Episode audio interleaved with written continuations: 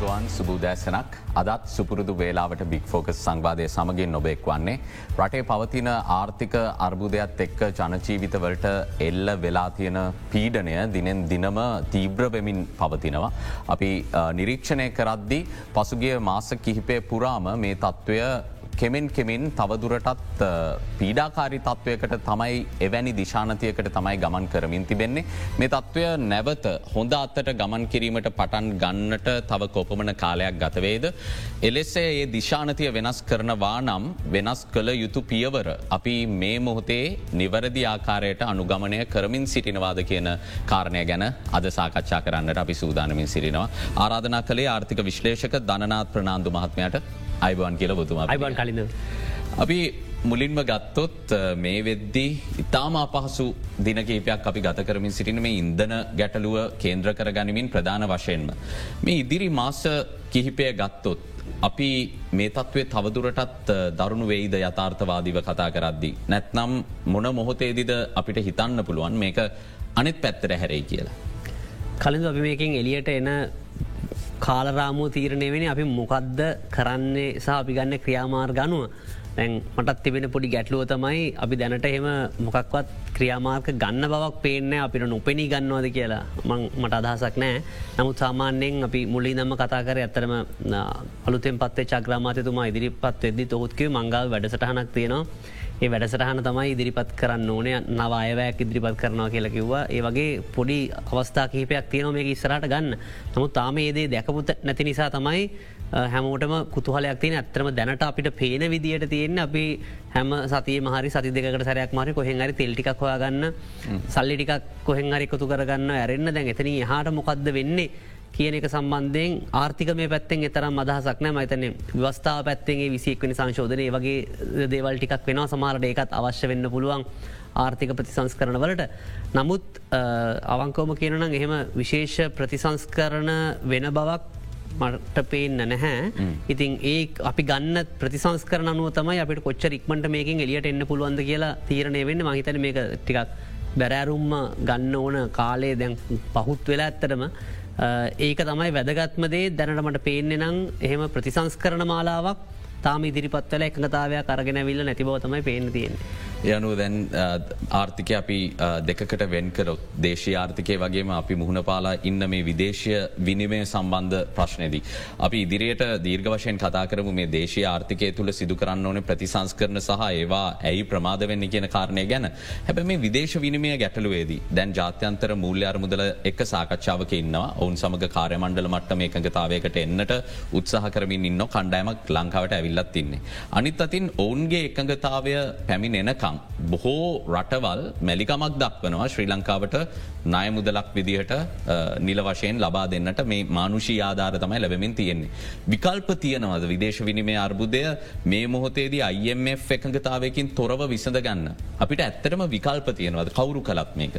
කවරු කලත් කලින්ඳු තිබෙන විකල්ප සංඛ්‍යාව නැති තරම් තිබෙන එකම විකල්පය තමයි අර වගේ රටවල් වලින් ඉල්ලගන්න එක නමුත් කලින්දුව කිව වගේ සාභයහමූ දන්න විදියට අන්තර්ජාතික මූල්‍යර මුදලේ කිසියම් සහතිකයක් හම්බවෙන්න නැතුව වෙන රටවල් වලින් මේදේ කරගන්න අමාරුයි. නමුත් මේ අවස්ථාවද අපිට මේ තියන තත්වය හරි සීම කරගන්න සමහර දේවල් කිහිපයක් උත්සා කල්ලරි බලන්න පුළුවන් එකක් තමයි දැම ඉන්දන ප්‍රශ්නය තමයි මූලික වශයෙන්ම හැමෝටම තියෙන්නේ. ඉතින් මේකට මන්දැක්ක විධ පාර්ශව අලුත් යෝජනා කීපයක් යෝජනා කල දෙන මහිතන්නේ දැ මොකක්වත් නැති නිසා ඒවගේ එකක් උත්සා කල්ල බලන එක හොඳයි. ඒක එක යෝජනාවක් තමයි ඩැනියල් අල්ෆොන්සස් මහත්මය ආර්ථික විශ්ලේ විශ්ලේෂක ඉදිරිපත් කල තිබුණ. දැනටර කලින්ඳ තියෙන ඕපන්න කවන්ස් කියලා. නැත්තම් අපි කියනවා මේ හරහා අයවර ලිපි විවෘත කරන්න නැති ක්‍රමවේද. හරියට හරි. එතකොට ඔහු යෝජනා කල තිබේ දැනට ඇත්තරමොය තෙල් ගෙන්වීම සහ බෙදාහැරීම තියෙන්නේ ලයිසන් එකක් අනුව තමයි කරන්න පුළුවන්. පෙට්‍රෝලියම් කෝපරේෂන් එකට හරි ලංකා යෝසිකට හරි. ඔහ යෝජනා කල තිබුණ මේක ඕන කෙනෙට කරන්න දෙන්න. ඕන කෙනට කරන්න දෙන්න. එතකොට ඇත්තරම ඔවුන්ට පිට ඩොලර් හං තියෙනහනම් ඒකෙන් ඕපන්න කවුන් සරහ ඔවුන් ගෙන්න්න ගනි. ඇත්තර මෙහෙමුණනානං ඒක යම්කිසි තර්කයක් තියෙන මොකද දැන් අපේ ඇඟලුම් ශේත්‍රය ඒවගේ සමහර අපනයන කර්මාන්ත ඇත්තරම උන්ගව ඩොලර තියෙනවා. ඔවුන්ට මේ වෙලා තෙල් ඉතාමත් අත්‍යවශ්‍යයි. නමුත් ඔවුන්ට තෙල් ගන ඩොලර තිබුණත් මේ ඔවුන්ට හැකියාවක් නැහැ CPCගෙන් පෙට්‍රලියම් කෝපරේෂ එකෙන් ගන්න. ඇත්තන මොවුන්ට අවස්ථාව දුන්නන ඔවුන් වෙනම මංහිතනර ජෑෆ් කියල තියෙනවා නිමිය අපනැනකරුවන්ගේ සංගමේ. වගේ ඔවුන්ගේ සංගම් එකතු වෙලා ඔවුන් ඩොල පූල් කරලා ඔවුන්ට මංහිතන්න යම්කිසි තෙල් ප්‍රමාණයක් ගෙන්න්න ගැනීමේ හැකියාව තියන දකට රජයට අත්තරම ඔබතුමාගේ සඳහන් කරප ඇගලුම් කර්මාන්ත කරුවන්නෙක් අපි සාකච්ඡා කරද්දී ඔවුන් අපිට කියපු කාරණයක් තමයි ලංකා අයෝසී සමාගම හරහා ඔවුන් ඔවුන්ගේ ඩොලර් කෙලින්ම රිජුව ඔවුන්ට ලබාදීල තමයි මේ වෙද්දේ ඔවුන්ට අවශ්‍ය තෙරටික වෙනම ආනයනය කරගන්න කියලා. ඒ අනුව යම්තාක් දුරකට වෙනස් විදිකට මේ වෙද්දිත් හිතලා තියෙනවා කිවත් හරිනේද. ඔව ඒකත් නිවරදි නමුත් ඇගලුම් කරුවන්ට අමතරව අපිට තවත් ඉන්න පුළුවන් කුඩා හා ශුද්‍ර පරිමාණ අපනයනකරුවන් ඔවුන්ට ඉන්න පුළුවන්. අනිතක සමන්න ඇගලුම් කරුවන්ටත් වඩා පහසු එන්න පුළුවන්. තවත් කෙනෙක් එක් එකතුනක දැනට ඇතරම තියෙන පොඩි ඒ අධිකාරී ස්වරූපයකුත්වෙනවා එතකොට ඒක එක පැත්තක්. ඒවගේ අනිත් පැත්තෙන් ඔය තෙල් එතකොට ඇතරම දුපත් මිනිස්සුන්ට ත්‍රීරෝධ රත්ත අපේ සාමාන්‍ය වාහනවලට තෙල් ඉතුරවීමක් සිදුවෙන මොක ඇත්තරමතකොට ඇගලුම් කර්මාන්තකරුවන්ස පුළුවන් කට්ටිය ගෙන්න්න ගන්නවා. අතුර අනික් කට්ටිය සාමාන්‍ය විදිරන ඒවගේ තවත් අර මංජු නිශංක කියල මහත්මය යෝජනාවක් ඉදිරිපත් කල තිබුණ. මේක ස්පෙෂල් පර්පස් වෙහිකල් එකක් විදිර ෆන්ඩ එකක් ස්ටබ්ලිෂ් කරන්න. ඒකන්නේ අපේ රමිටන්සස් කටියට ෆන්ඩ එකට සල්ලිධන්න පුලන් එතකොට ඒක උන්ට කොටස් නිකුතුවක් විදිර කොටස් හිමි වෙනවා. එතකොට ඒ ෆන්ඩ එක හරහා අපිට පුළුවන් තෙල් ආනයනය කරන්න. ඒකත් එක අදහසක්. ඒවගේම ජයන්ත කෝවිල් ගොඩගේ මහත්මයා අදහසක් ඉදිරිපත් කළ තිබුණා. පුළුවන් කට්ට ඉන්නනම් සමහර ශෙත් කීපයක් විතරක් සමහර පයිලට් එකක් විදිර මහිතන්නේ තෝරගත්තු ඉන්දන පිරවුමල් කහිපයක් නම් කරලා ඩොලර් දීල කැමති කටට තෙල් ගණඩ පුළුවන්.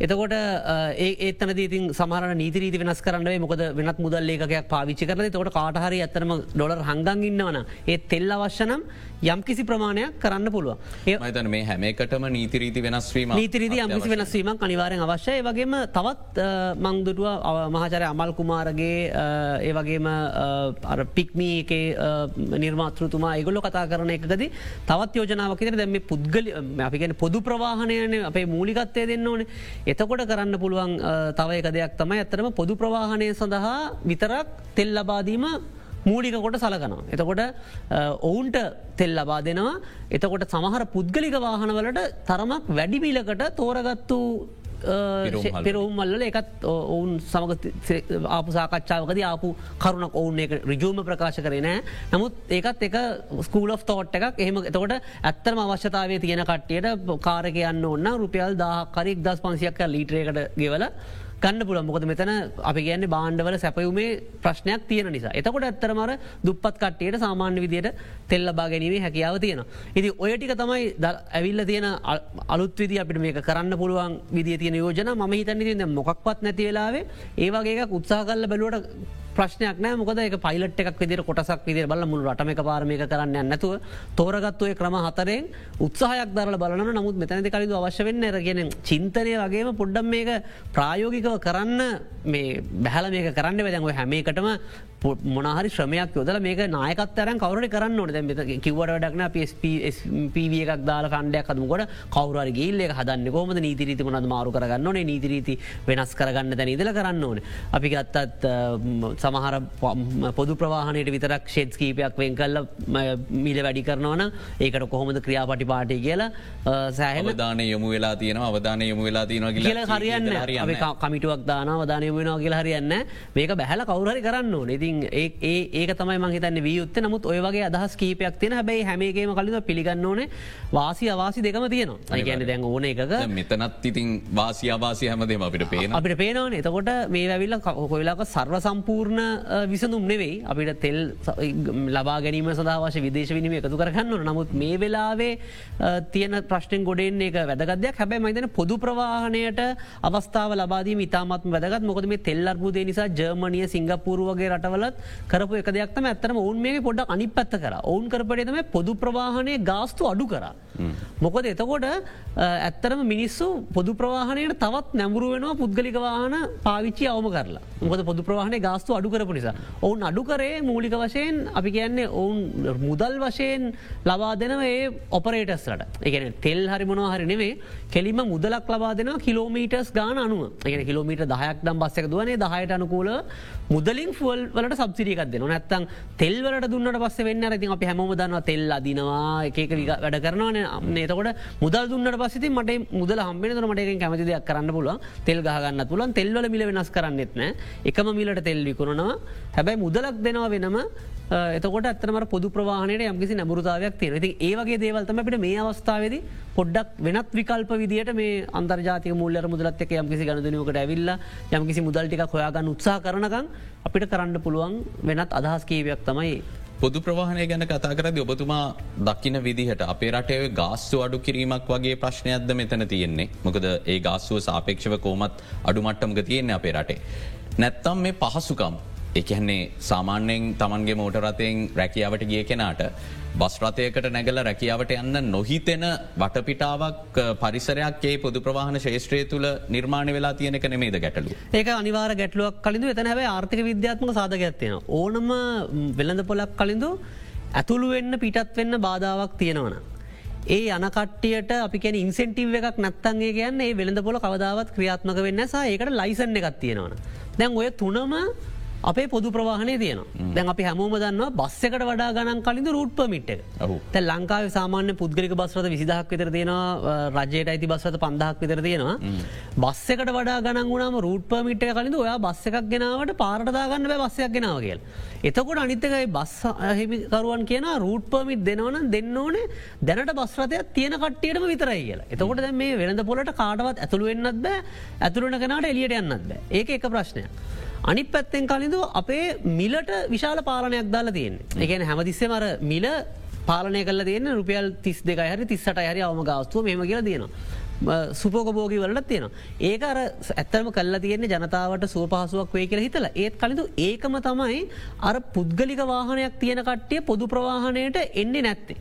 සහ බස්සක තියනගෙනට ඕක අප්ග්‍රේඩ් කරගන්න ඉන්සෙන්ටිව එක නැම උදාහරණයක් ඉදිර කියන්න දැන් අපිතම කවරුහරන මොරටුව ගල් කිස්ස ඒ පැත්තින නත් අනි පැත්තෙන් ප්‍රධාන මාර්ගය තියෙන වත්තලේ පැත්තිතර එමනැත්තන් කඩවත අපි කොළමනුවර පාරයාවත් ඒ කෙනෙක්ට වාහනේ තියල බස්ස එකට මාරු වෙනනම් ඔහු රුපියල් සාමාන්‍ය ගාන රුපියල් එකසිය පනහන ඕට තුන්සියක් ගෙවරන එක ලාබයි හැබැයි බස්සගේ අපි කියන යා කන්ඩිෂන් තියෙනවන වයිෆයි එකක් තියෙනවන එමනත සමාරට බස්සේ වතුර බෝතලයකුයි කෑමයකුයි දෙනවන එතකොට යට උදේට ගෙදර යන්න උදෙම නැකටින්න ඔන්න කෙලිම බස්සකට ඇවිල්ල අර ගත කරන පැය පැය හමාරේ කම්පියුටේ වැඩක් කරගන්න පුළොම මධ්‍යම පාන්තික කෙනෙක්ට. පොඩි වෙනසකුත් දැන පොඩි වෙනසකුත් දැන හැබයි ඒ කරගන්න නම් කලින්දු එයාට බස්සගේ කෑමක ගුද්දල වයිෆයිදදිල ඒ සිද්ධාගෙන රුපියල් තිස්සට යවම ගාස්තු වෙන්න බෑන. හැබැයි එතකොට දැන් ඒක තියන් ඉන්න නිසා බස්රතය එක්කෙනට දිරිදීමනාවකුත් නෑ මේ බස්ස එක අප්ග්‍රේඩ් කරන්න.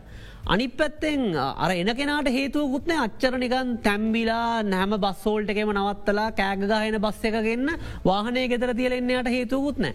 එතවට ඒ වෙනස ඇති කරන්න ඇත්තරම මිනිස්සු ඔය බස්රතවලට එමන ඊට අමතර බැර සාමාන්‍ය බස්රතවලට ගන්න සාමාන්‍ය විදිරණයවට අඩු ගාසු තියනට තොට සල්ලි නැති කෙනෙක්ට ඇත්තරම අවම ගාස්තුව ගෙනල්ල හැම බස්සෝල්ටකම නවත්තන බස්සේක සාමාන්‍ය දිරෙන්න්න පුලන් තොර පාර වාහනටිකත් වෙනස් වෙනවා අඩුවෙනවා අර මධ්‍යම පාන්තික කට්ටිය මේකට එන්න පටන් ගන්න පුළුවන් කටයට ඔප්ෂන් එකත්තින දැන් ඇවිල්ල දින ඔප්ෂන් එකක්න අපි හැමෝම යන්න ඕන අර බස්සකේම තම එතකොට මිනිස්සුන්ට හිතෙන්න තමන්ගේ පුද්ගලික වාහනය තියලා මාරුවෙන් ඒක මනි පැත්ත තමයි කලින්ඳ අපේ තොරතුරු පොඩ්ඩක්වත් මේ ගැන වේලබල් නැද අපි හැමෝ දන්න අපිට ටැක්සිය එකක් දාන්න පුළුවන්. දැම්මට වස අපිට මැප් එක පෙන්න්නවා මේක කොතනද තියෙන්නේ කොයි වෙලාවට දෙන කිලෝමීට්‍ර ගාන කොච්චර ගාන කොච්චර දැ බස්රතවල් ලෝක කරන්න බැරි හේතුවක් නෑනකරද ඇතර හෙමුණන අපි දන්න ඊළඟ බස්රතය යන්න කියට තකොට ඇත්තර මට ප්ලෑ අපි වාහනය තියල වැඩටාවත් අපිට හිතාගන්න පුළුවන් ඊළඟ බස්සක තියනෙකට අන්තිම් බස්සක තියෙන සලසුම් කරගන්න. සලසුම් කරගන්න පුල එක අමාරුවටක් ඇත් ඇත්තරමය මේ ඇගලුම් ශේස් කර්මාන්ත ශාලාවල ඔවුන්ගෙත් තියනට ප්‍රවාහන පද්ධතියක්. ඕනුත් වායන්වලින් වලින් හැමේ ලක්කොල්ලව විතරන්නෙවේ මහියංගනය කටුනායක ඒ එඩිය කොග්ගල ඔය හැම දැනකම තියෙන ඔවුන්ගෙත් තියෙන ඔය සිිස්ටම් එකම. මේ GPS ට්‍රක එක කයිකලති එක ලොකු තාක්ෂණය නෙවේ ඇතරම දැන් අද කාලගත්තර පස ඒක ට්‍රන්ස්පෝට් මනජර බලන්න පුල වාහන කොතනද තියෙන මේ කැඩිලද කවුර පරක්ුණාද ඇයි එක තනක වැඩිවල නවත්තල තිබ්‍ර කියලා එක තැනක බලන්න පුල ඉති ඒවගේ තොරතුරු පද්ධතියකුත් අපේ නෑ. ඉති ඔය හේතුව නිසා තමයි පොදු ප්‍රවාහන දියුණුවල නැත්ත. නමුත් කලිදු කියප එකත් ඇත්ත ගාස්තුවට වඩා අනිපත් අතින නමුත් මම කියන එක ගාස්තුව මේ නියම කරන්න වෙන ක්‍රමවේදය වෙනස් කරානන් ඇත්තටම අපිට මීට වඩා සහනයක් ලබාගන්න තිබේ. වගේ මට මේ අපි යම්කිසි සානාධාරයක් රිජුවම කිලෝමීටර ගාන මත බස්රත හිමියන්ට ලවා දෙන්න පුළුවන් කරමක් තියෙනවන එහෙනම් ඇත්තරම අර ගාස්තුවටත් යම් කිසි අඩුවීමක් වෙලා අපේ තෙල් ඉතුරු කරගෙන හැමෝටම යම්තාක් දුරකට මේ අපහසු අඩු කරගන්න පුළ හැබ වෙලද පොල ක්‍රියාත්මක වුණනාන් කලින්තුව ප්‍රශ්න එන්න ඇගෙනක තම මක අදහස. ද මේ වෙලාව අපිට ස්වර්ණමය අවස්ථාවක් තියන පොදු ප්‍රවාහන සේවය දියුණු කරන්න අර්බුදය ඇතුළේ තියෙන අවස්ථාවන් අඳුරගන්නේ නැති බවක් තමයි පේන තියෙන්නේ මේ වෙලාවෙ ඉන්දු තීරණ ගන්න පාර්ශව. දැන් සංචාරක කර්මාන්තය යම් කිසි ආකාරයකට අඩපන වෙලා තියෙන මොහොතක ඒ සඳහා යොදවපු සුකෝපභෝගී බස්්‍රත ගණනාවක් ගල් කල්ල තියෙනවා කිසිම වැඩක් ගන්න නැතුව. තාවකාලික මාර්ග බලපත්‍ර හෝ නිකුත් කල්ලා. කිසියම් ආකාරයක සාධාරණ මිලකට. ඔවුන්ටත් ඔවන්ගේ බස්ට්‍රත නඩත්තු කරගෙන යන්න පුළුවන්. අපිටත් බොහම සැප පහසුව වැඩට එන්න පුළන් ක්‍රමයකට. මේවා තාවකාලිකව දාන්න හැකියාවක් නැද්ද? මාර්ගයට මේ අවස්ථාවේ. පුළුවන් කල මත් ඒක බලපත්ත ක්‍රමේ නිසා ඒ බස්තියන කට්ට කාටහත්ද පාරට බස්සක දාගන්න බෑ. බස්සක තියාගෙන නිකන් ගෙදර තියන්ගන්න ඊට අමතර වේකට ෆිනන්සක ගෙවන ඉතින් තාවකාලික බලපත්ත හරි ලබාදීලා මේ ඇත්තරම ඒද ඒදේ කිරීමේ හැකියාව තියෙන ඕක ගැන නොනිල වශයෙන් අදාළ පාශවලින් විමසුවට පස්ස මෙත නයිතික නෛතික බාධාවන් ගැන කතා කරන්නේ. හැබැයි මේ වගේ අර්බුදයකදකි නෛතික බාධාවන් අපි බොහොම ඉක්මට පාලිමෙන්තුවත් තියන්නේ එකයි නීති වෙනස් කරන්න අවශ්‍ය බලයදීල තියන්නේ එකයි. කොයිතරම් වැදගත්ද මේ වගේ වෙලාවට සාම්ප්‍රදායක චින්තනයෙන් බැහැරවීම පාලකි. ඉතාමත්ම වැදගත් කලි දුමන් ඒකකොය බලපත්‍ර නිකුත් කිරීමේ ප්‍රධාන අරමුණ තමයි වෙන කාටවත් ඕක ඇතුරු වෙන්න දෙන්නතු ඉන්න එක. දැන්ව නීතිමේ බාධාවගෙන බලපත්‍ර සම්බන්ධ ප්‍රශ්නය එතකොට අනිකටේ ගැන අපි ලොකු ගානත් දීලා මේ බස් එක ගානරුක මිලියන පහයිනම් අපි මිලියන හතක් කටත් දීලා මන්දන්න මගේ ගණන් ඉතර නිවරදි නැතු ඇද නමුත් බස් එක ගාන්ට වඩ වැඩි ගානත් දිලම බලපත්‍ර තින තොට වෙන කෙනෙක්ටත් බලපත්‍ර දුන්නාම අප ඉන්න සැනකටික තම මේකට යන්න ගෙලති බලපත්‍ර දීපු හැම තැනකම කලින් ඔය ප්‍රශ්න වෙන ඕක තමයි ඔය කියන නීතිමේ බාධාව. ඔයිට කලිනුත්තර ආනයනවලට බලපත්‍ර දුන්න හැමේකට අපේ බලපත්‍ර දීල තින ඉදිගේ බලපත්‍ර හැමේකින්ම කරන්න එයින්න මිනිස්සුටික හම්බ කරගන්නවා මිසක්කා. එහෙම නැතුව වෙළඳ පොල දියුණුවක් වෙන්න නෑ ඉතින් මේ වෙලා ඇත්තරම හොඳම අවස්ථාවක් කළුදුකිවගේ මේ පොදු ප්‍රවාහනය දියුණු කරන්න තියෙන ස්වර්ණමයම අවස්ථාවක්.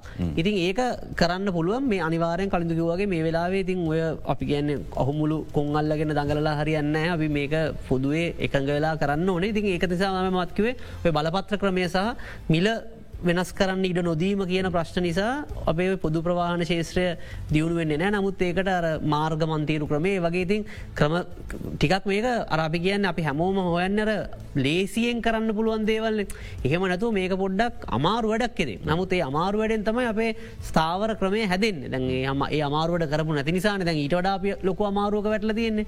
ඉතින් මහිතන පහසුවෙන් කරන්න තිබ්බේවා නොකර අමාරු කරගත්ත නිසා තමයි මෙහම වෙලාදී අනිවාර මිතින් ඒ නිසා මේ වෙලාවේ නීති ඉදිරික අපි වෙනස් කරගන්න දැන් ජාත්‍යන්තර මූල්‍ය අරමුදලේ කාරමණ්ඩල මට්ටම එකඟතාවකට එන්න ඔබතුමාලා අධ්‍යනය කල තියෙන විදිට දළ වශයෙන් කොපවන කාලයක් යයිද දැන් ඔවුන් ඇවිල්ල ඉන්නවා. නමුත් එහි ගිල්ල යළිත් සාකච්ඡා පවත්වල කොපමන කාලෙකින් විතර අඩුම ගණනේ ස්ටාෆ් ලෙවල ග්‍රීමට ඒකට එන්න පුලාබේ. විවිධ සාමාන්‍යන්න කියන්නේ කලින් මාස හයක් සාකච්ඡා පටන් ගත්තරවසි මාස හයක් නමයක් දොළහක් වෙනකං ඒක ගමන් කරන්න පුළුවන් කියලා. ඉතින් දැනට ඔවුන් අනිවාරෙන් ඔවුන්ගේ ස්ටාෆ ග්‍රීමන්ට් එකේ ද ඔවුන්ගර ආටිකල් ෆෝ රිපෝට් එකේ දියවුන් ප්‍රධාන වශයෙන් කාරණ හතරක් පහක් විතර මතු කර. ලංකාව ප්‍රතිසංවිධානය කරන්න ඕනේ. එක දියවුන් කිව්වර සමාජාරක්ෂණ පද්ධතියක් නැත්තන් දුපත් මිනිසුන් රැගන්න ක්‍රමයක් අවශ්‍යයි. කෑස්ට්‍රාන්ස සිිස්ටම් එක බදුවලයම් කිසි සංශෝධනයක් අවශ්‍යයි. ඒ වගේම ඔවුන් කිව්වා ආනයන සීම සම්බන්ධයෙන් යම් කිසි තීරණයක් ගන්න අවශ්‍යයි. වියදම් කිරීම අවම කිරීම අවශ්‍යයි. ඒ වගේ ව්‍යහත්මක ප්‍රතිසංවිධාන හතරක් වෙතින් ඔය හතර මත තමයි උහෝ වෙලාවට ඔය එකගතාවය එන්න නියමිතව ඒ අනුව ඔබතුමාය කියන ඔවුන් ඉල්ලන සිදුවිය යුතු ප්‍රතිසංස් කරන. අගමැත්තුමා කියන අතුරු අයවැයෙන් ක්‍රියාත්මක වීම අත්‍යවශ්‍ය වේවි අපිට එකගතාවයකට ඇවිල්ලා විදායක මණ්ඩලයට ජාත්‍යන්තර අරමුදල යොමු එන්න නම්. අනිවාරෙන් ඉතින් ඒ වගේ අප සාමාන්‍යෙන් IMF එක ග්‍රීමට එක සයින් කරන්න කලනුත් කියනවා සමහර නිර්දේශ ක්‍රියාත්මක කරන්න. තකොට ලේසි කියල ග්‍රීමට එක මාර්ගයට එන්න. ඉතින් ඒ අනු සමහර දේවල් තම මහිතන් අපි කරලත් තියෙන්නේ. අපේ සහෝදර ජනතාව දැන්ගන්නේ ලොකුම ප්‍රශ්නය මේක අපිට කාගෙන් හරි මුදල් ලැබෙයිද? තෙල් පෝලිම මීට වඩා දික්වේද අඩුවේද කියන ප්‍රශ්නය. අපි දැනට අපිට තියෙන දත්තත් එක්ක කිව්වොත්. මේ ජාත්‍යන්තර මුල්්‍ය අරමුදලේ එකඟතාවකට එනකං මේක විස දෙන පාටක් නැහැනේ දඩුමගාන ජනතාවක දැනගෙන ඉදියතුට. ඕ කලින්ද ඇත්තම කතාව තමයි ජාත්‍යන්තර මුල්්‍ය අරමුදලේ යම්කිසි එකතාවකටනක අපිට අනිකරටවලින් මුදල් ගැනීම පහසුතාවයක් තියෙනවා. ඒ වගේම ජාත්‍යන්තර මුල්්‍ය අර මුදලත් මහිතන මෙතන පොඩි බූදේශපාලනමය කෝනයකුත් තියෙනවා. මොකද ජාතන්ත්‍ර මූලය අරමුදල කියනවා නය ප්‍රතිවියෝකත කිරීම ගැන අපිට පැහැදිලි අම්ම අවබෝධයක් දෙන්න මේ ග්‍රීමට එක ඉස්සරහට යන්න කියල. ති නය ප්‍රතිවියෝකත කිරීම සම්බන්ධයෙන් චීනය චීනය පොඩ හරස් ොඩක් හරස් වෙන ඇති එතකොට අනි පැත්ත අපි දන්න ජාතන්ත්‍ර මූලය අරමුදරත් ප්‍රධාන වශයෙන් ඔවුන් අප ලෝක රටවල් බොහෝත් කට්ටේ සාමාජිකයෝ මුත ඇමරිකක් සජ්ජනපදය සහ ඒ රටවල් වල වැඩි කොටස් ප්‍රමාණයක් මේක තියෙනවා. හොද අපි නය ප්‍රතිවියෝගත කිරීම ගැන කතා කරම්. කෙටි විරාමයක්.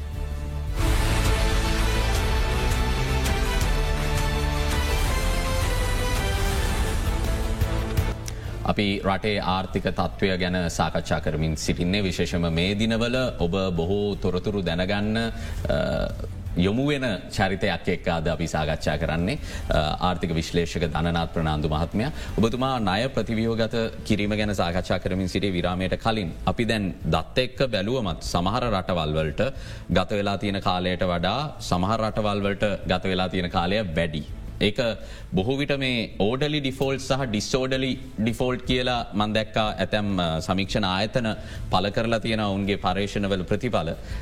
ඩිස්සෝඩලි ඩිෆෝල්ටේකට තම අපි ගිහිල්ල තියන්න ඕඩලි ඩිෆෝල්ටේකට නෙමේ එතකොට ගත වෙලා තියෙන කාලය ඇතැම් රටවලට අවුරුත් දෙකට ආසන්න කාලයක් ගිල්ල තියෙනවා. ණය ප්‍රතිවිහෝ ගත කරන්න. මේ කියන තරම් ලේසි වෙයිද අපිටත්. නෑ අපේ නය ප්‍රතිවකත කිරීම ඉතාමත්ම පහසු කලින් ම මේ මහිතන කලිනුත් ප්‍රකාශ කරල තියෙන මොකද අපේ නය සංයුතියත් ඒකැන් අපි හැමෝගෙන්මත් නය අරන්තියන. නය සෑහෙන් අපේ ආර්ථිකය සයිස්සකට ලොකු නය ප්‍රමාණයකුත් තියෙනවා. අනි පැත්තෙන් අපි නය අරන්තියන ප්‍රමාණය නය නයේ මිලත් වැඩි. ගෙන පොලියත් සෑහන වැඩි. තවට මේක ප්‍රතිවියෝගත කරන එක සෑහෙන සංකීර්ණ ක්‍රියාපටි පාටියක් ඒක මම දැක්ක ඇත්තරම ඔය මගේ මතකය නිවැරදි නම් බල්ගේරියාවේ හරි වගේ රට තමයි සාර්ථක මනය ප්‍රතිවියෝගත කිරීමක් කරලා කියලා තිබුණේ. ඒ මහත්මය පොඩ්කාස්ටේකට ඇවිල්ල කිව ඒ සාර්ථක මේ රට එක්දසමසි අනුගනවල කරනය ප්‍රතිවියෝගත කරවා ඔහු කිව ලංකාවේ නය ප්‍රතිවියෝගත කිරීම ලෝකෙක් සංකීර්ණ නය ප්‍රතිවියෝගත කිරීමලින් එකක් වෙනවා. මොකද ආණ්ඩ ආණ්ඩුව නය අරන්තියන ආණ්ඩුව ආණ්ඩුව ආයතනවලටත් අප වෙලා තියෙනවා. ඊට පස්සේ මල්ටිලටල් නයත්තියන බයිලටල් නයතියන එක පැරිස් ලබ් එක මෙම්බස් ලත්තින්න එලිකට්ටිය ඇතින්න බොන්්ඩෝල්ඩස් ලත්තින්න මේක ටිකක් සංකීරණ වැඩක්. ඉතින් අනි පැත්තෙන් අපි ඉන්නෙත් බූදේශපාලනය වශයෙන් ඉතාමත්ම තීව්‍ර අවස්ථාව කාර පැත්තෙන් යුක්්‍රේණේ රුසියාව ප්‍රශ්නයක් තියන ඒකට ලෝක විධ රටවල එක පැතිගන්න එතකොට මඟ කලින් කිව වගේ චීනය නය ප්‍රතිවියෝගත කිරීම සම්බන්ධ දක්වන්න මොන ප්‍රතිචාරයක් ඔවුන් පැරිස් ලබ් එකත් එක් එකඟ වෙලා ඔවුන් කැමතිවෙන එකට කැමතිවේ දෙහෙමනැත්තන් ඔවුන් මේ බෑ කියයිද? කියන එකත් මෙතනති බලන්න ඕන. ඒවගේ කලින්ඳ මෙතනද නය ප්‍රතිවියෝකද කිරීම සම්බන්ධයෙන් අපි මතකතියාකරන දැන්වර මේ ගිය හකුරට අඩල වැඩක් නෑ. නමුත් අපේ මහිතන්නේ අපේ ඔය ඩිප්ලොමසි නැත්තන් විදේශ තානාපති සේවය කියලා කියන්න කලින්ඳ ආර්ථිකමය වශයෙන් සිදුවන ක්‍රියාපටි පටක හෙමනතු අපි මේ තේබොන්න කෝපි බොන්න කරන වැඩක් නෙවෙන අපි ඇත්තරම අවුරුදු ගානකදිම අපේ අර සුදුසුකම් ලත් තානාපතිවරුන් සහ ඔවුන් ඇත්තරම මේ මේක ගොඩ නැගුවෙන ඇත්තරම කියවන අපිට මේ වෙලා වෙන රටවල් මට හිතන දෙර අව අරගෙන අවුට ඔ්වේ ගිල්ල නැත්තන් කරන්න බැරිදයක් අපිට යාලුවකද තානාපති තනතුරක් කියන අපිරට දේශපාලනයට අනුව ලබා දෙන්න තෑග්ගක්නේ සුදුස්සාට ලබා දෙන තැනක් නෙමේ චන්දයට උදව් කරට පස්සේ තෑග්ගකටන යවන්නේ. අන්න එක තම එතකොට විදේශ නිසි පරිදි පුහුණුව ලබපු කට්ටි හිටිය නම් මහිතන රටක් අපිට යම්කිසි නැමොක අපි ගත්තොත්තම අපේ මිත්‍ර ඔක්කොම අපි තරහ කරගන්න අපි චීනය තරහ කරගත්තා. පෝත් සිටියගේ තාම ඇත්තරම මහිතන උන්ට ආයෝජන ගෙන්න්න ගන්න විදික්න ඒ පනත සම්මතුනටේ නීතිරාමූතාම එලියට ඇවිල්ලන. එතකොට ඒවගේමර ෆර්ටිලයිස නැත්තම් පොහර නැවේ ප්‍රශ්නය. අපි ජපානය තහන තාරහ කරගත්තා එල්ලාට ප්‍රශ්නය නිසා අපි ඔවුන් අපිට සෑහෙන්න උදවකරපු රට. අපි ඇමරිකාව MCC කරහා ප්‍රශ්නයක් ඇතිවුණා එකින් තහන කරගත්. ඉන්දියාව අපි ECT කරහා සහ විවිධ එක්ටයි කරා අපි ප්‍රශ්න ඇති කරගත් රුසියාවේ රුසිය ගුවන්්‍යානය සහ ඊට පස්සේ රැස් බස්ටස් ප්‍රශ්න නිසා පියවුන් තහන තරහ කරගත්ත. යුරෝපානු සංගමය මානුෂීය මානවිහිමිකම් සම්බන්ධයෙන් කල්ල ප්‍රශ්නයක් ඇති කරගත්ත. ඒ වගේ මැද පෙරදික රටවල් අපි අර ඕගේ භූමදාන ඒ සහ ජාතිවාදී ප්‍රශ්න සාගම්වාදී ප්‍රශ්න නිසා උන්න තරහ කරගත්ත. ඉති එතකොට ඒක තේරුම කලින් අපි ඕන් කියන හැමිකම්ම කරන්න ඕන ගෙන නෙවේ. අපි කරන්න බැරිනම් ඕන්ගේ හිතරිදන්න තෝපියක කරන්න ක්‍රමයක් තියෙනවන අපිට යාලුවක් කර අපි මොනාර ඉල්ලවාම ඒ යාලුකම තියාගෙන නමුත් බෑ කියන්න අපිට අවශ්‍ය වෙලාවිදි උපකාරයක් කරගන්න අතර සම්බන්ධතාවයක් ගොඩනගන්න එකත් තමයි ඔය තානාපතිසේවේ ක්‍රමේ මං අත්තර මේ ළඟදිම මේ ටවිටේකුත් දම ඇතරම ලක්ෂණ කදිරගම මහත්මයාගේ සටහනක් තිබුණ. ඕගෙන ලියල තිබ පොතේ කේක් දැටවස් බේක්ට හෝම් කියන පොතේ. ඔහු ඇත්තර හුට එන්න කියල තිබුණ. ඒකාල අමරිකානු රාජ්‍යලයකම් කොලින් පවල්. එන්න කියල තිබට පස ඔහු මෑතකද ඇත්තර මවාහ ප්‍රාප්ත වනා එන්න කියල තිබට පසේ ඔහු තනියම ගිල්ල තිබ පලවිනි වතාව හම්බ වෙන්න ඔහු ගියපු ගමන් මේ ඔහු මහිතන නික්සන් ජනාධිපතිවරත් එක කොළඹ ඇවිල්ලා ජනාධිපති මන්දිරය තිබුණ ගහක් ගැන නිතරම කියල තියෙනවා මේ ලක්ෂණ කදිරගම මහත්තයට මේ මාර ගහ කරිම ලස්සන හෙම කියලා. ඉතින් කදිරගම මහත්තය ලංකාවට ආපකොම කල තියෙන ඒ ගහේ පින්තූරයක් කරන්න අරගෙන ඒක ලස්සන ෆ්‍රේම් එක දාලා කොලින් පවල් මහත්මයට යවල තියෙන ති එතනින් පස්සේ ඇතිවෙච්චර මානව සම්බන්ධතාවය මත තමයි ඔහුට එතරම් ඉතාමත්ම සුහරු විදියට මේ පොලිටික්ස් කරන්න නැත්තන් මේ ජෝපොලිටික්ස් මැනිච් කරගන්න පුළුවන් වුණේ. ඉති අපි ඒවගේ මොකද අන්තිමට රටවල් රටවල් නෙවෙන උදව කරන්න කලින් මිනිස්සු මිනිස්සු තමයි උදව කරන්න. ඉති එතකොට අපි අරේ ඒ සේවය ඒ ගෞරවය උන්ට දුන්නොත් තමයි අපිට වැඩක් මොනහරි අපිට අවශ්‍ය වෙලාවති කරගන්න පුළ නමුත් දැන් අපේ පැත්ත සම්පූර්ණයෙන්ම කඩාගෙන වැටල තියෙන් අපේ නිසි වර්දියක කළමනා කරනය කරගත්තු නැතින මේ වගේ වෙලාවක අපිට බූදේශපාලනය යම් කිසි ගැලපීමක් කරගන්න අවශ්‍ය වෙලාවකද අපිට දැන්ගේ සහයෝග ගන්න විදික් නෑ ඇතරම යුද්ධ අවස්ථාවතිත්මන් කලනුත් කිව ඉන්දියාව අවස්ථාවේදී මංහිතන ඒ අවසර කමිටුවක් ක්‍රියාත්මකුණා ලලිත් වීරතුන්ග මහත්මයයි. ඉන්දියාව විදේශ ලේකම්බරයසා ඉන්දියාවේ මට මතක විදිර ඔවන්ගේ ආරක්ෂක උපදේශක තුමාතර ඒ වෙලා විදි තර යුද්ධ අවස්ථාවදි ලංකාවට අයම එක පොඩක් පස්ස ගැවට පස්සේ සල්ලි දෙන්න කළ ඉන්දියාව තමයි කිවේ අයම එක දෙන්නත් අපි අපි දෙන ලංකාවට සල්ලිගෙන තොට තමයි අයම එකත් මේ වෙලා ටක්ගල වැඩික් මංගල ගත්තේ. ඉති ඒ එහෙම කරන්න අර රාජ්‍ය තාන්ත්‍රික සම්බන්ධද හොඳ මට මට්ටම අපි තියාගන්න ඕන. එහෙම නැතිවුණොත්තේම අපිට මේක කරගන්න හම්බ වෙන්න. ඉතින් ඒකත් ඉතා වැදගත්. මොකද මෙතන ලොකු ජියෝපොලිටිකල් මට හිතනවා බලපෑම නිසා මේක යම්තාක්දුරකට හෙමින් හෙමින් යන්න ඉඩ තියෙන. ඉතින් ඒ ප්‍රශ්නටික විසඳගන්න අපි මේක බොහොම වෘතිය මට්ටමෙන් කරන්න ඕනෙම නැතිවනොත්තේ අපි ලොක අමාරුක වැටනවා. මේක තවත් ඇදනොත්තේම කලින්දකිවගේ මේක ඩිස්සෝඩලි ඩිෆෝල්් පැත්තර ගිහිල්ල තියෙන නිසා අපිට මේ කවරුද්ද කවරුද හමාරක් එහෙම ගියොත් අවරුදු දෙකක් වගේ ගියොත්තේම මේක සමාජය ප්‍රශ්නයක් බවට පත්වන මොකද මිනිස්සුන්ට මේක අපි දක් දැන් තෙල් පෝලිින් වලත් පෝලිම දික්වන්න දික්වන්න එන උණුසුම වැඩි. එතකට මේක කොයි වෙලාකාරි තවට පොලිසියත් එක් ප්‍රශ්න ඇති කරගන්න හදනවා. හමුදාවත් එක් ප්‍රශ්න ඇති කරගන්න හදනවා. මේක නොහිතන පැත්තකට යන ඉතින් ඒ පොඩි දෙයක් ඇති මුළු රටක්ම කැලමෙන් ඉතින් ඒ නිසා මේක මීට වඩා වගකීමෙන් කරන්න ඕන කටයුත්තක් කියලතමයි මට හිතෙන්. අපි උත්සාහ කරන්න ඇත්තේ ඒ තියෙන බර ගැන ඔබට අවබෝධයක් ලබා දෙන්න නමුත් ඔබට වඩා ගැන අවබෝධයක් තියෙන් ඕනේ පාර්ශව ඒ ගැන නිසි අවධානයක් යමු කරනවාද කියන ගැටලුව හිත්වල තියාගෙන තම අපිත් සාකච්ඡා කරන්නේ. ආහාර උද්ධමනය මැයි මාසේ සයට පනස් හතයි දශම අටක වගේ මගේ මතගේ නිවැරදි නම් තියෙනවා. ඒ අනුව අවුරුද් දහටකට විතර පස්සේ මංහිතන්නේ අපිට වාර්තා වෙන ඉහළම ආහාර උද්ධමනයක් මේක. හැබැ අනිත් පැත්තෙන් ජනතාවට දිනපතා මිල වැඩිවෙන මිසක් ඔබතුම හැමදාම කතා කරන සමාජාරක්ෂණ ජාලයක් ගැන කිසිම සාකච්ඡාවක්වත් මේ වෙලා වෙන හැ. මෙහෙම ගියුත් මේක ඔබතුමා කිව්වගේම සමාජ අසාහනයක් බවට පත්වෙලා සමාජාර්බුදයක් බවට යළිත් පත්වෙන එක වලක්වාගන්න අපහසු වෙනවා. ඒ නිසා හැකික්මනි මේ දේශී ආර්ථිකය තුළ හරි තියෙන ජනතාව බලාගන්න කොටසාරි ඉක්මනින්ම කරන්න ඕන නේද.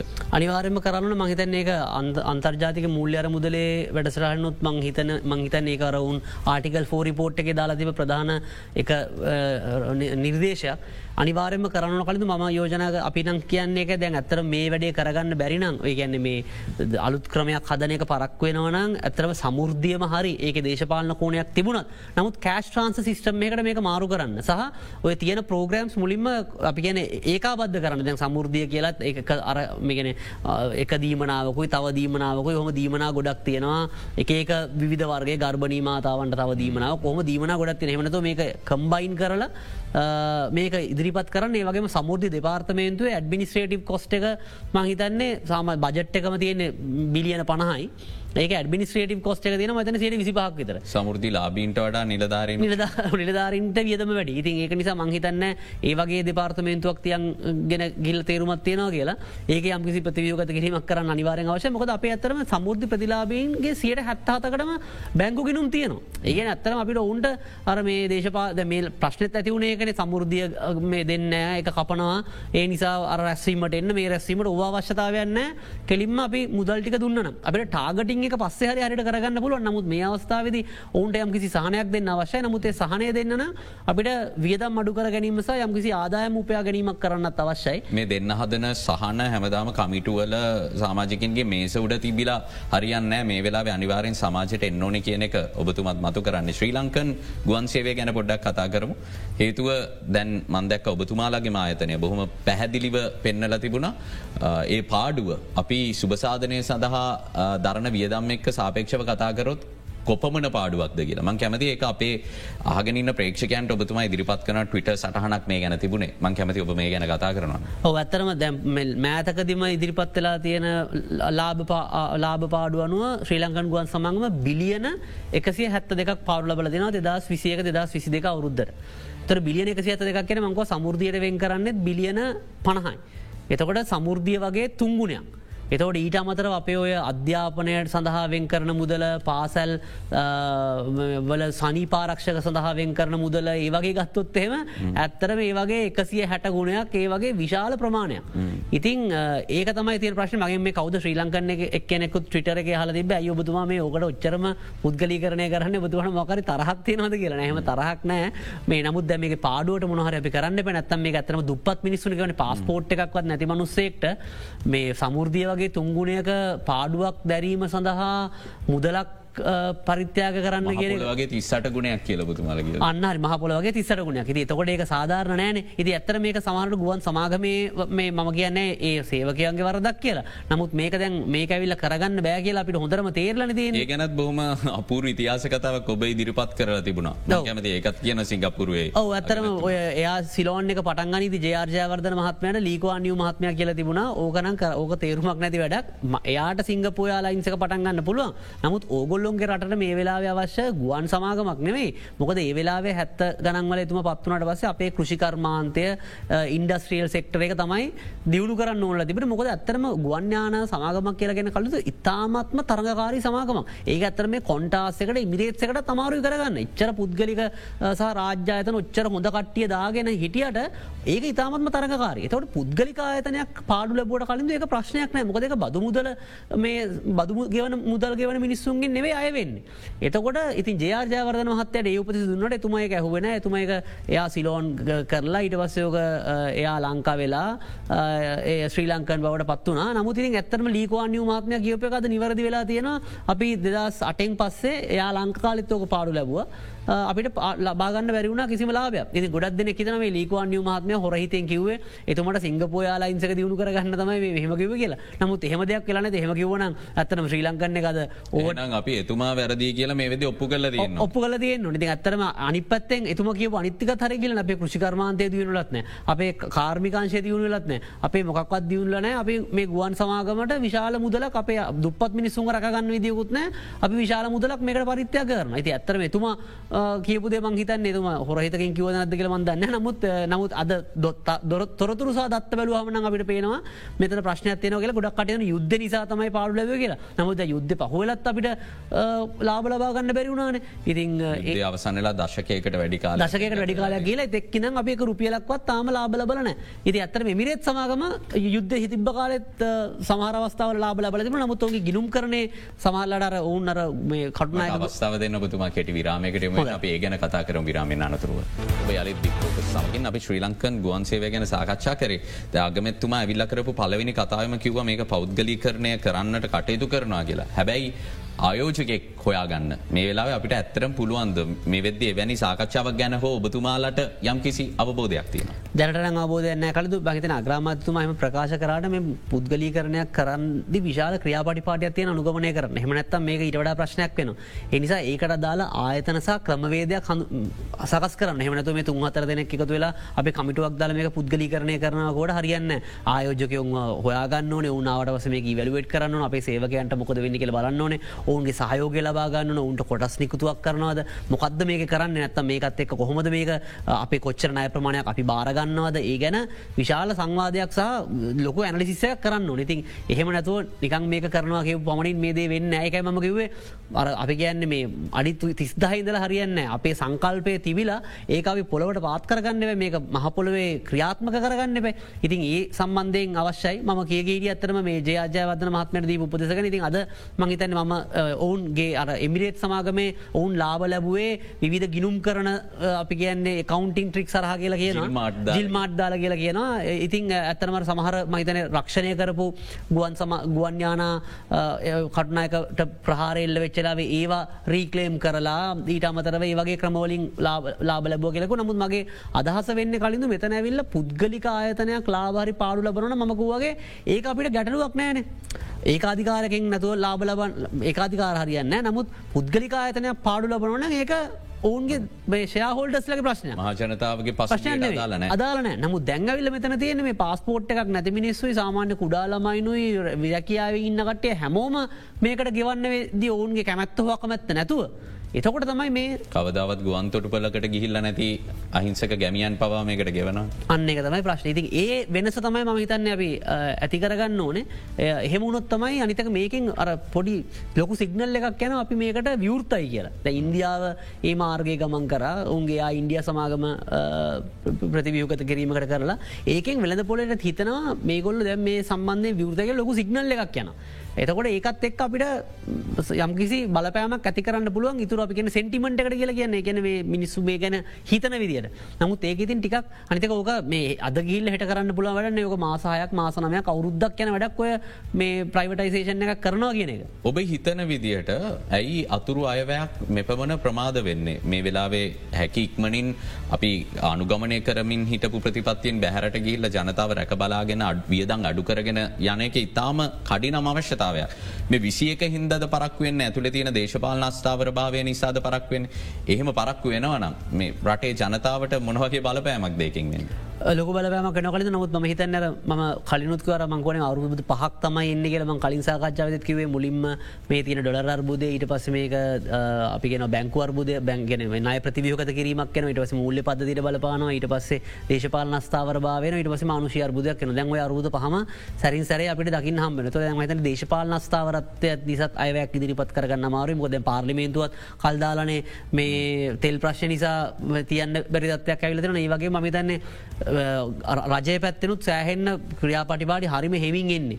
අයවැක් තම ඒ ගැන හිතලනෑ මහිත ඒකට දේශපාලන එකතාවයක් ගන්න බැරුණද ම දන්න නමුත් කොහොමරි අපිට පේන්නේ ලීනම් බල්ල කටන මේ වැඩේ හරිම හෙමින් තමයි වෙන්න කියලා. නමුත් ඉතින් ඒ දේශ ඔය පහමාවට පස්ස කලින්තු හරි අමාරුයි වැඩ කරගන්න. ඉතින් ඒ තත්වය තම ඇතින මොකද ආණ්ඩුවටත් තියෙන්නේ ටිකක් අපි කියන්නේ ටිකක් පක්ෂ ගොඩක් එකතු වෙලා නිකම් පොඩ්ඩ හිතාගන්න වැරි විදි ආණ්ඩුවක් තියෙන්නේ. ඉතින් ඒ දේශපාලන බල පැමුත් ඒ වගේම තියෙන නමුත් අනිවාරෙන්ම අපි මමකුවගේ ප්‍රතිපත්ති රාමුවකුයි අයවැයක් අවශ්‍ය තරන් අයවයකු ඉදිරිපත් කරන්න අවශ්‍ය කලු මොක දැනට තම් කවරු දන්නෑන කවරහරි ආවත් අපිට මොනහරි කියන්න. ඔගොල මොකද කරන්න හදන්න කියල දැන් අය කට්ටිය ඇහුවොත්තේම දැන් ම ලංකා අයදිලති මනුසෙක් හරි නය ප්‍රතිවියකත කරන්න ඔගොල් මොකද කරන්න කියලා කියන්න කිවොත්තේම අපට නිකන් ගිහිල්ල කියන්න එකක් නෑන නිකන්. ගෙවන්න බැරිනය ඉස්සරට ගෙවන්න පුළුවන් කොමද කියල වෙන්න ඒකන අතුර අපි කියන්න බෑ මොකද කරන්න ඕන කියලා. දැනට අපි කල්ල තියෙන්නේ සමහර සාධනය දේවල් කරලා තියනවා. සාධනය කියලගෙන අපි දැන් අය ප්‍රතියෝගත කරන ආයතන දෙක තියෙනවා.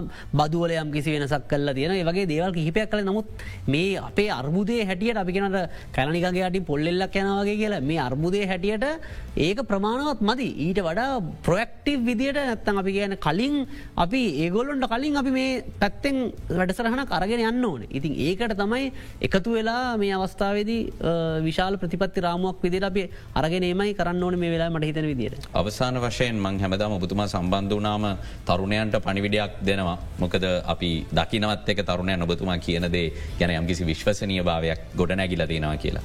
මේ වෙලාවේ දිගින්දිකටම එන්නේ ඉච්ඡාබංගත්වය එක තවමත් එලියට එන්න හැකියාවක් නෑ මොකද යමක් වෙන බවක් පෙනෙන්න්නටත් නැති නිසා. අපි කොහොමද ඊතන්න ඕනේ. හව අපි හිතන්න ඕනේ මේ අර්බුදය ස්වභාවය තමයි මේක. මේ ඇවිල් අපි කියන්න අපේ අපේ කරපු සිිස්ටම් එක සස්ටේනබල් නැති නිසා මේ කඩාගෙන වැටන ක්‍රයා පටිපාඩි තමයි යන්න. අපේ දේශපාලන තිබ්බ මතිමතාන්තර කලින් කරපු දේවල් අපේ තිබ විස්වා සොක්කම කඩ වන්න දැන් උදාහරණකදර අපිස්තරිත රාජ්‍යසේවේ හරිම හොඳයි ලොක පේෂන ඇතින කළ ඇත්තන රාජසවේ පේෂන් එකසා පඩිය කියන එක නොගනියකි තරම් කුඩා වෙන තියෙන් ම රාජ්‍ය තන පුද්ගලිකාංශය නමුත් දැන්ගතකොට කාටවත් ට්‍රක්ෂණ එකක් නෑ නැවතවරක් රාජසේවට නතොට අප අර සිතුවිලි ආකල්ප සිිස්ටම් ඒක සස්ටේනබල් නැති නිසා මේකර ලෝක විනාසේ වගේ නෙවෙයි. නමුත් අර මේක කඩාගෙන වැටන මෙතරින් යාර නැගිටීමක් තියෙනවා. ඒ නිසා මේ ඉවසීමෙන් ඉන්න නමුත් ප්‍රතිසංස් කරන කරන්න අවශ්‍යයි. දැනටමත් ඉතින් අපි අවුරුද් මාස හයකට හත්තකට කාලයක් මේ අර්බුදය ඔස්සේ ඇවිල්ල තියෙන. තව මාස කීපයක් මේ ඉස්සරහට අපිට මේ වගේ යන්නවෙයි මොකද මේ ප්‍රතිසංස් කරන වෙලා මේක එන්න කල්ය නොමේක අන්න එක ඔබතුමාගෙන් ඒ ගැන හන්න මොකද බොහෝ විට අපි මේ සංවාදය සමාජයත් එක් ඉදිද්දි. සමාජය බොහෝ දෙනෙක්ගෙන් ඔබතුමාට ප්‍රතිචාත් ලැබෙන මට ප්‍රතිචාත් ලැබෙන. එතකට මේක තේරුම් ගන්නේ අපිට දැනගන්න තියෙන දත්ත සහ අපි වැඩියෙන්ම අදහස් පල කරන අයගේ අදහස් එක තම අපි තීරණවලට එන්නේ.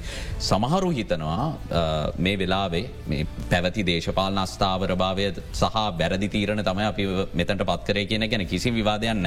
නොති යම් කිසි හයකින් කඩිනම්මින් සිදුවෙන දේශපාලන විසඳුමකින්. කඩිනම් ආර්ථික විසඳමකුත් අපිට ලැබෙනවා කියලා විශ්වාස කරන පිරිසක් ඉන්නවා.